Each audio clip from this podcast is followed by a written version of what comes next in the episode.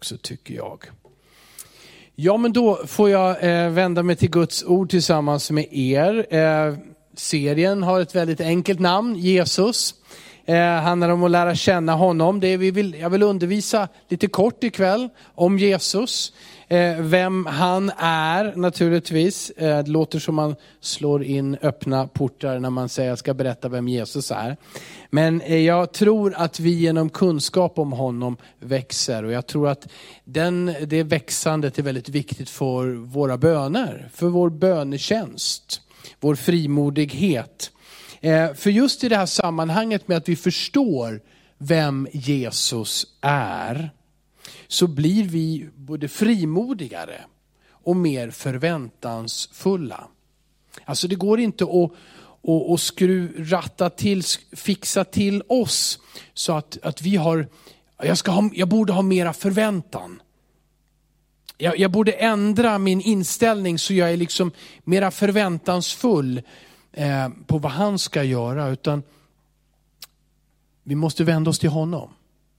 Vi måste se på honom ännu tydligare. Bestämma oss i vardagen. Jag ska titta på Jesus med trons ögon. Jag ska läsa Bibeln för jag vet att här finns det kunskap som informerar mig om vem han är, hur han är, vad han vill. Och det är det som gör mig frimodigare i mina böner. Det är det som gör mig bestämdare i mina böner. Också ödmjukare i mina böner, för jag vet att bara från honom kommer svaret. Men genom kunskap om Jesus så blir hela vårt liv, vårt trosliv, vårt liv i tro blir, blir frimodigare, blir glädjefullare. Våra böner växer, vi, vi vågar tro mer och mer. Han hör mina böner. Och det här vi vet att detta är stort för oss människor och svårt för när vi tänker på hur små vi är och hur obetydliga vi är på många sätt i mänskliga ögon, i våra egna ögon. Så är det fantastiskt att vi kan få vara inför Gud när vi ber. I tronrummet i himlen och formulera våra böner i ett samarbete med honom. Då det inte ens handlar om att vi överraskar honom med några nya önskningar som vi just har kommit på. Utan hans ande lägger in saker i våra hjärtan, kunskap. Det här vill jag att du ska be för. Och jag vill att du ska be så här. Och jag vill att du ska be frimodigt. Och jag vill att du ska lägga fram det. Och jag vill att du ska hålla ut. För jag ska göra under, säger Herren. Det är han som ger in i våra hjärtan när vi är inför honom. I bön, i fasta, i bibelläsning. När vi fokuserar på honom. Än en gång, det är inte vi som ska fixa till oss själva. Det är inte du som ska göra dig själv till en bättre kristen. En mera troende kristen. Som har större förväntningar och som håller ut längre och som klarar mer. Nej, det är Herren. Du ska se på Herren. Och det är en skola. Ser du? Det, det är en skola för, för att det faller inte naturligt till det som är vår gamla människa. Det vill säga där vi kommer ifrån, det vi var. Människor som inte hade Jesus Kristus i våra hjärtan. Utan följde när vi var rädda för någonting så var det det som drev oss. När vi längtade efter någonting, när vi hade begär efter något, då var det det som drev oss. När vi kom på en tanke som vi tyckte, det här är spännande, ja det ska jag göra. Då var det det som drev oss. Men vi var utan Jesus Kristus och vi var utan Gud. Men när vi tar emot Kristus och som Marita läste i inledningen, förblir i honom och lite annorlunda uttryck i sången. Vi kommer nära, för han kallar oss att komma nära. Och komma så nära att vi är i honom och han är i oss. Det är då vi växer. Och det är då vi får auktoritet, fullmakt i andevärlden. Jag förundras och skrattar lite grann åt den där berättelsen i eh, Apostlagärningarna med, med en, no, sju stycken söner till en, till en präst eller rabbin där, Skefas söner. De försökte driva ut en demon, befria en människa från en ond ande. Men själva kände de inte Guds ande, men de gjorde lite som de hade lärt sig. Va? Tyckte det här var spännande och den där äh, människan som var besatt eh, talade till dem, alltså andemonen talade, den onda anden talade till dem. Så, Vilka är ni? Paulus känner jag, säger han en ond ande säger till några karar som, som visst, visste de vem Paulus är, men han säger, jag känner Paulus, men vilka är ni? Och så den här mannen i den här onda andens skatt sprang upp och slog dem och jagade ut dem. Och, och det var inte så roligt. Men tänk att den onda anden säger, jag känner Paulus. Det betyder, den onda anden säger, jag hade fruktat om Paulus var här. Jag hade varit tvungen att lämna den här mannen som jag har bott i under en lång tid om Paulus hade varit här. För han har auktoritet i andevärlden. Inte i sig själv och sin egen tankeförmåga eller muskelkraft eller fromhet. Utan för att Paulus sa, jag vill leva för Jesus dag och natt. Jag vill tänka på min mästare. Jag vill umgås med Jesus Kristus. Det står i Saltaren 1 att den som tänker efter över Guds ord både dag och natt är som ett träd planterat vid vattenbäckar. Det bär frukt i rätt tid och dess löv vissnar inte. Så är den som äter av Guds ord som säger, jag kan inte låta denna bok ligga stängd. Det är nämligen så här, att utan denna bok så skulle vi inte ha någon säker kunskap om Gud och inte ens om oss själva. Det här, det här är i sanning en gåva ifrån Gud till oss, till dig och mig och till mänskligheten.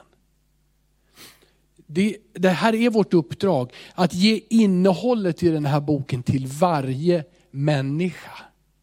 Och vi måste sörja mer än över saknaden av mat och vatten, vågar jag säga. Måste sörja mer över länder och nationer som över århundraden och årtusenden inte har fått ännu Bibelns ord. Det är klart jag inte säger att du, ska, att du inte ska skicka bröd och ge vatten till den som törstar och hungrar här och nu. Men att 2000 år efter att vår mästare vandrade på jorden och säger, gå ut i hela världen. Att fortfarande hundratals folkslag, miljontals, ja miljarder människor inte känner Jesus, inte har en bibel inom räckhåll. Eller ens vet att den finns. Vi har ett uppdrag. Men här, här får vi kunskap om vem han är. Och den kunskapen förändrar vem du är. Och den förvandlingen till den du blir, den ger dig frimodighet när du ber. Den ger dig uthållighet när du ännu inte ser bönesvaret. Den kunskapen om vem han säger att du är.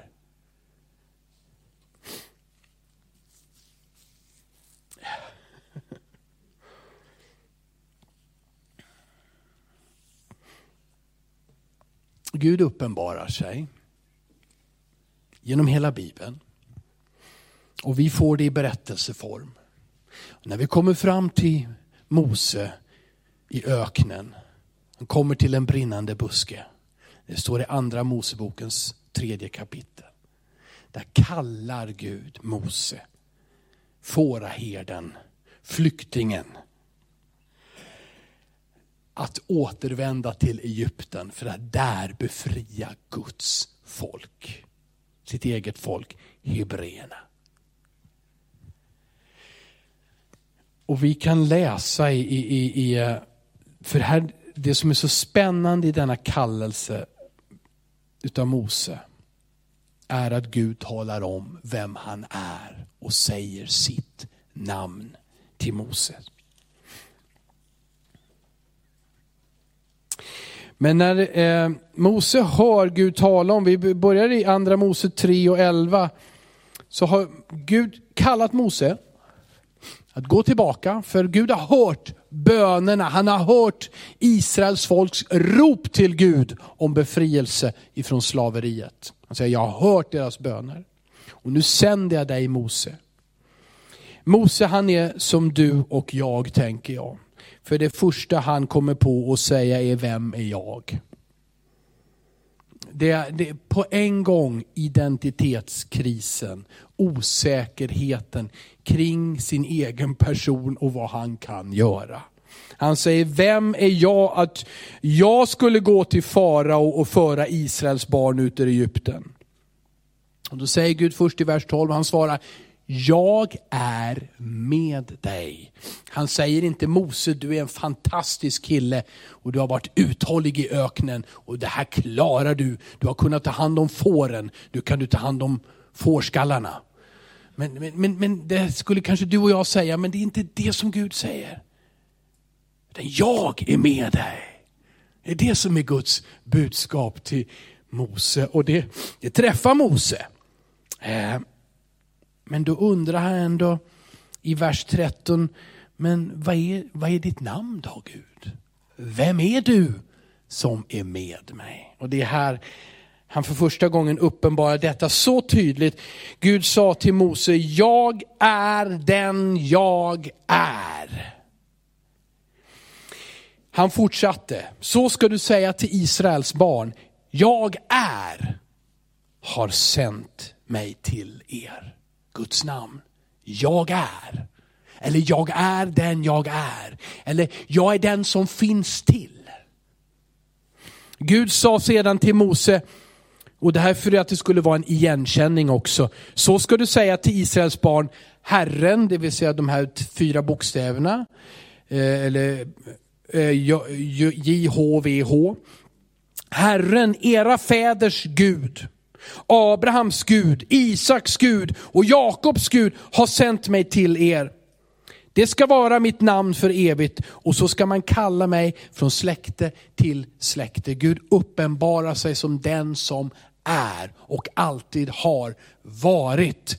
Och vi måste se att det här sa Gud till Mose i en tid då människor bad till avgudastoder. Man hade snidat i trä eller skulptur, eh, skulpturerat, eller vad säger man, i sten. Man hade skapat och format bilder av gudar som man bad till. Och en gud var gud över en, en, en stor dal, eller ett berg, eller en, en sjö, en trakt. Och de här gudarna de, ba, de bråkade alltid med varandra, precis som människor så bråkade de om vem som var störst och starkast. Och det gällde att, att, att, att få tag på den Gud som var störst och starkast. Men Gud säger, jag är ingenting utav detta. Utan jag är. Skaparen. Jag är allsmäktig Gud. Jag är evig. Jag är helig. Jag är Gud. Och nu tar jag ett jättehopp. Jesus, han säger häpnadsväckande saker om sig själv. Till exempel Johannes 14 och 1. Låt inte era hjärtan oroas. Tro på Gud och tro på mig. Det är häpnadsväckande för att han i samma andetag säger, tro på Gud och tro på mig. Låt inte era hjärtan oroas. Det är han som säger omvänd er och tro evangelium, tro på de goda nyheter som jag ger till er. Han säger, kom och följ mig, jag ska göra er till människofiskare. Han sa, mig är given all makt i himmelen och på jorden, gå därför ut och gör alla folk till lärjungar. Döp dem. I Faderns och Sonens och den heliga Andes namn. Och lär dem att hålla allt vad jag har sagt er. Och jag ska vara med er in till tidens ände, säger en snickarson.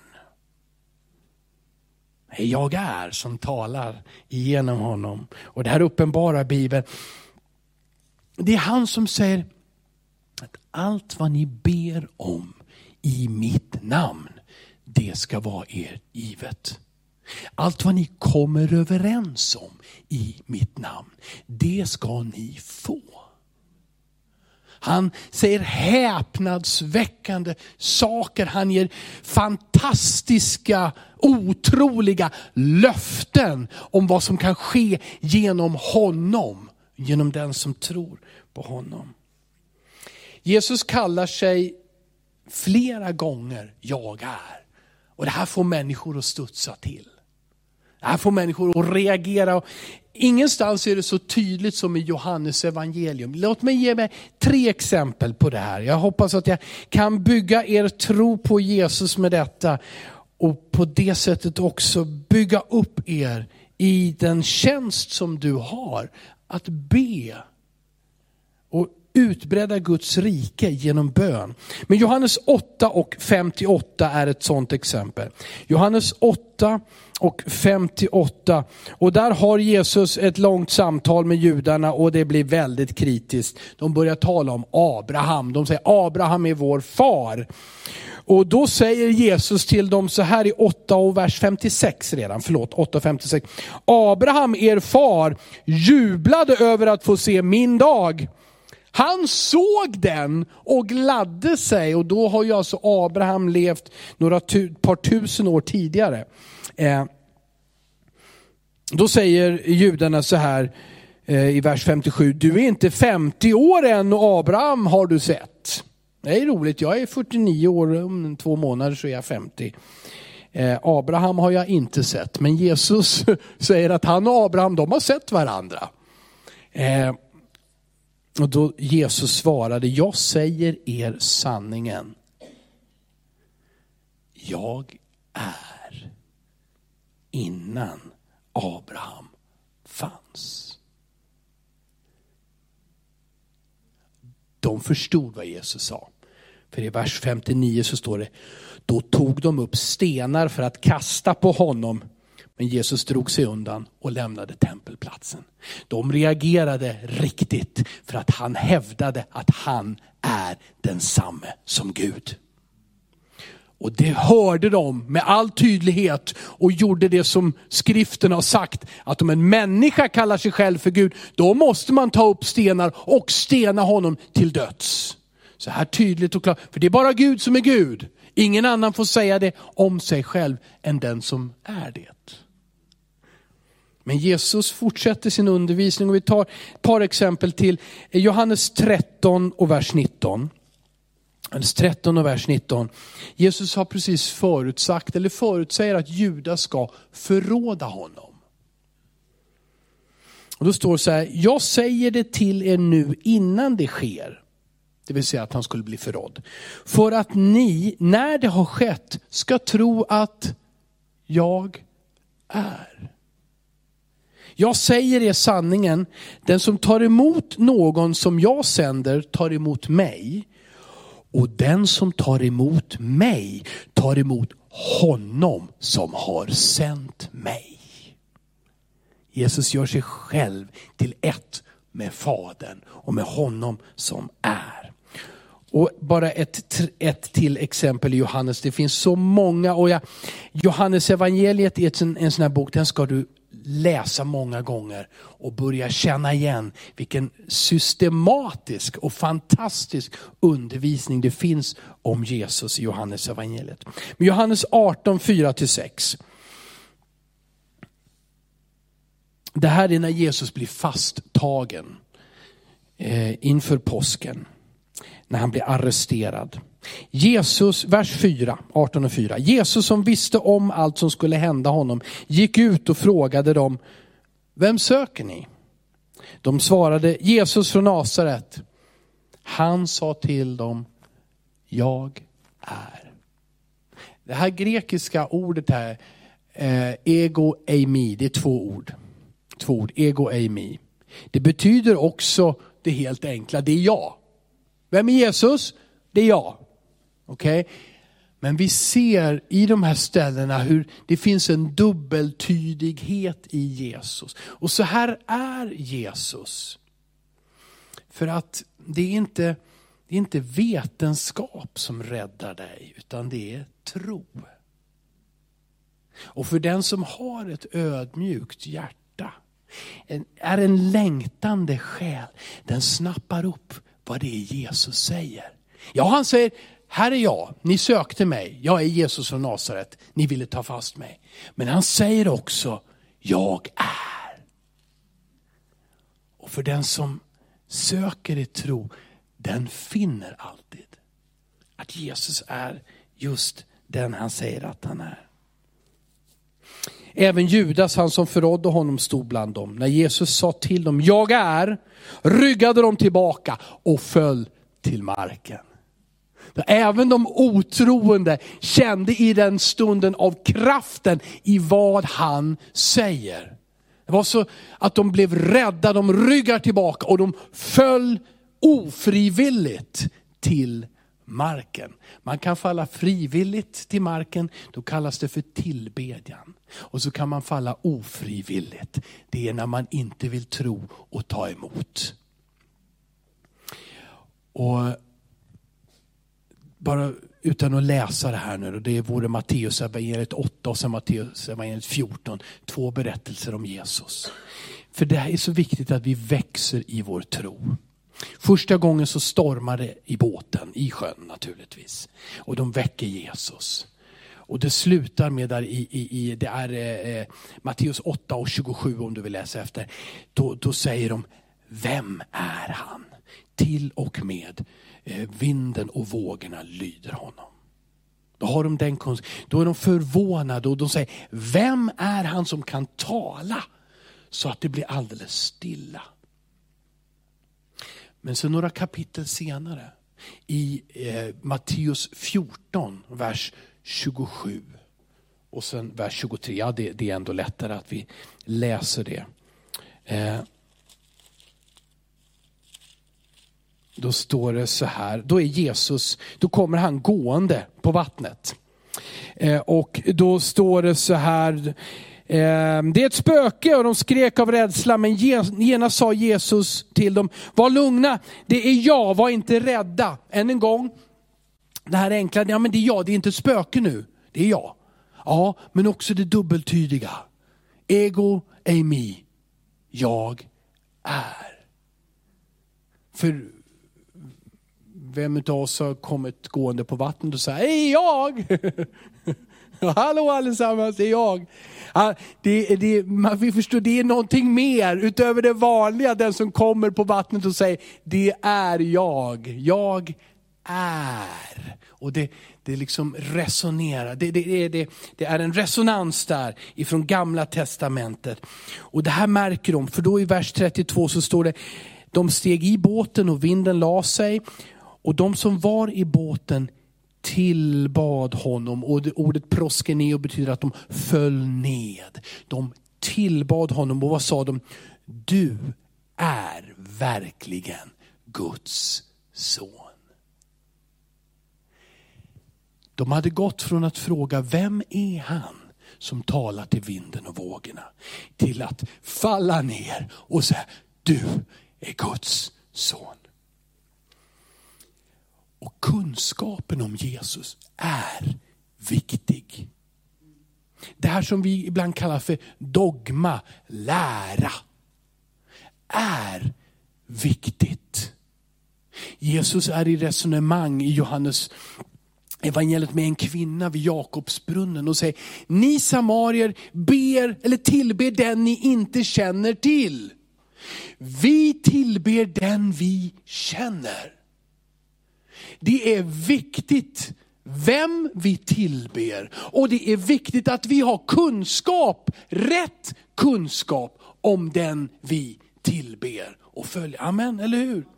Det måste ju vara så mellan oss människor också. Att i den mån jag känner dig och vet mer om dig, så känns det liksom rättare.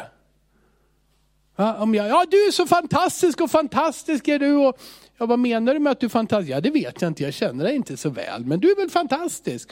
Ja, det blir liksom inte så mycket av den typen av lovsång till en annan människa. Men jag har sett dig, vad du har sagt och hört det och, och hur du... Du är fantastisk. Ja, wow, tack för att du ser det. Gud gläds. Gud gläds när du ser vem han är. Och ger honom din kärlek. Det här, det här längtar han efter sedan årtusenden, sedan människans begynnelse. Att få berätta för dig och mig, det här är jag. Så att du ska veta, det här är du. Och så att du i förlängningen ska kunna göra hans vilja. Och bland annat i bön vara frimodig, vara förväntansfull, vara bestämd, vara ödmjuk. Men gå framåt med honom och göra hans vilja. Så att växa i kunskap om honom, det är en nyckel, det är så viktigt. Att erkänna att Jesus är Guds son. Ingenting annat, ingen halv ängel, ingen liten människa, ingen supermänniska, inte en rymdvarelse, utan han är Guds son, han är Gud själv. Förkroppsligad, mänsklig gestalt. Sann tillbedjan och sann kunskap hänger ihop. I vår tid är vi så frestade att göra vår egen bild av det andliga och av Gud. Det här känns bra för mig. Gud är så här. Det är så lätt att försöka rätta till och bli rätt så stöddig i den övertygelsen också. Du ska inte tala om för mig, för jag känner det här, det här är bra så här. Men ingen av oss kan ha en egentlig kunskap om Gud om vi inte låter informera oss genom Guds ord. Visst kan vi ana Gud i skapelsen, det ska vi inte förneka. Det vill Gud, det har han lagt ner. Det säger han ju här i psalm 19 till exempel. Men vi behöver denna kunskap som Gud delar med sig av till oss. Nu, avslutningen.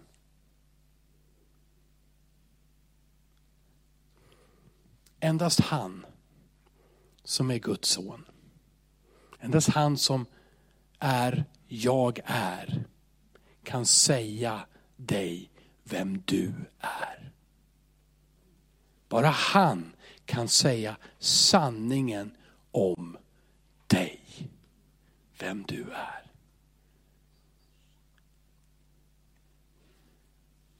Han vill att vi ska kunna säga så här. Jag vet vem jag är eftersom jag är säger vem jag är. Hängde ni med? Jag vet vem jag är. För jag är, han som är jag är, säger mig vem jag är. Ingen människa, ingen annan bild. Och därför så, det här, Marita, är inte det här din älsklingsvers? Vilken är din älsklingsvers i Bibeln, Marita? Tänk efter. Det kom lite för hastigt. Kan det hända att det är andra Korinthierbrevet 5 och 17?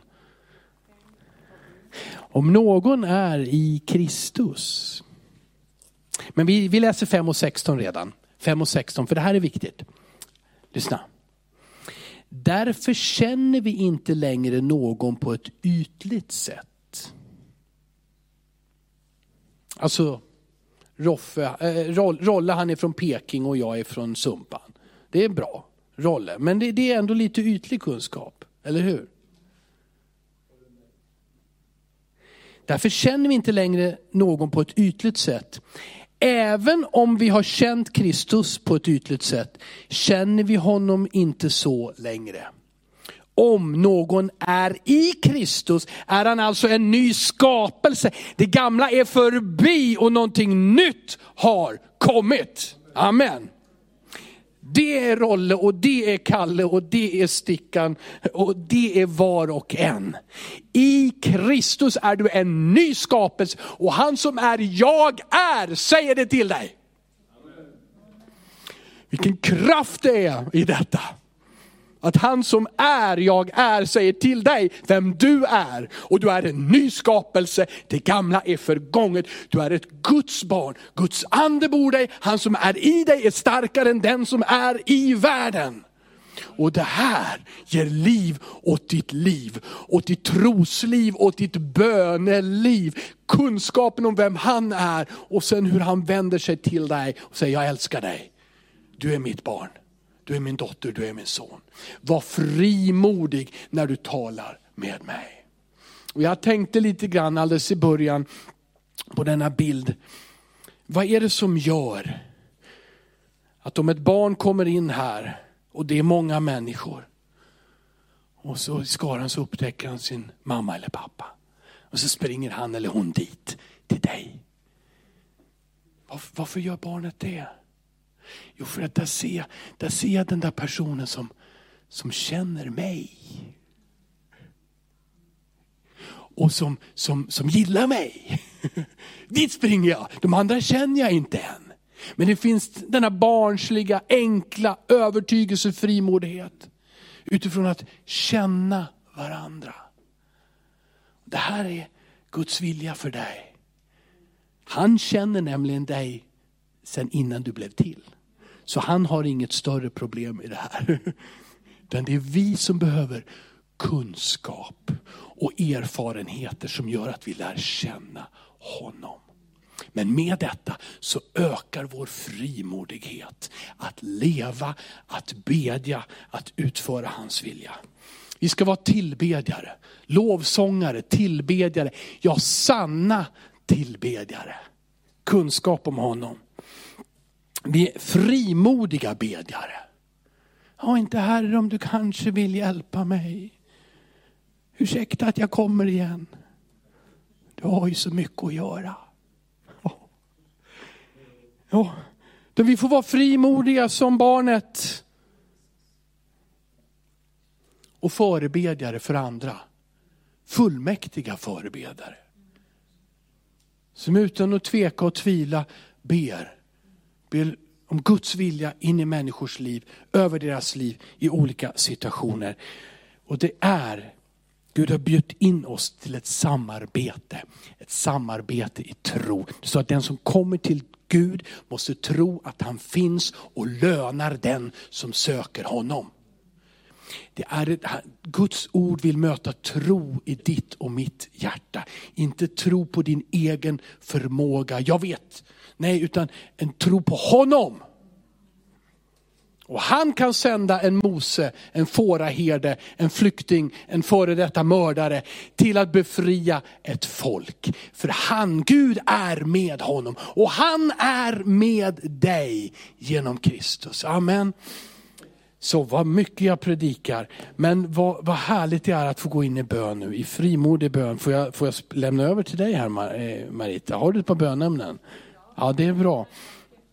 För att så här behöver vi om och om igen. Och jag vet att från mig själv så vet jag, från mitt känsloliv, att jag så lätt glömmer bort de här sanningarna.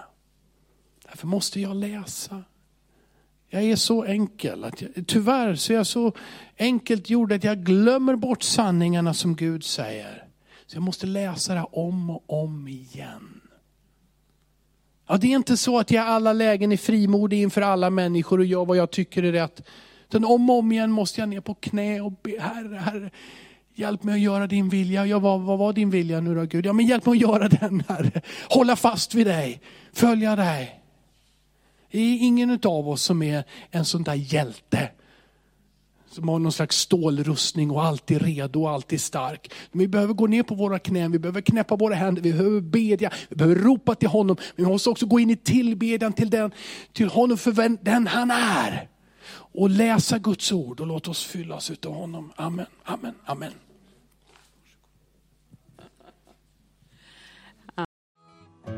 Du har lyssnat till en predikan i Pingstkyrkan i Eskilstuna.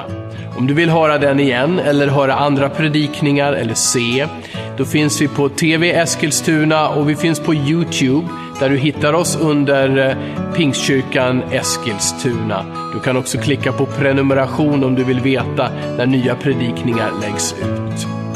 Alla är välkomna hit. Du är varmt välkommen att eh, kontakta oss eller besöka ett av våra möten eller kyrkan. Eh, du kan också ringa till oss eller skriva på vår mailadress om du eh, har en fråga eller om du önskar att vi ska be för dig eller för en situation. Det finns också mer information om oss och våra möten, aktiviteter för alla olika åldrar på vår hemsida och även på vår Facebookgrupp. Jag önskar dig allt gott och Guds välsignelse.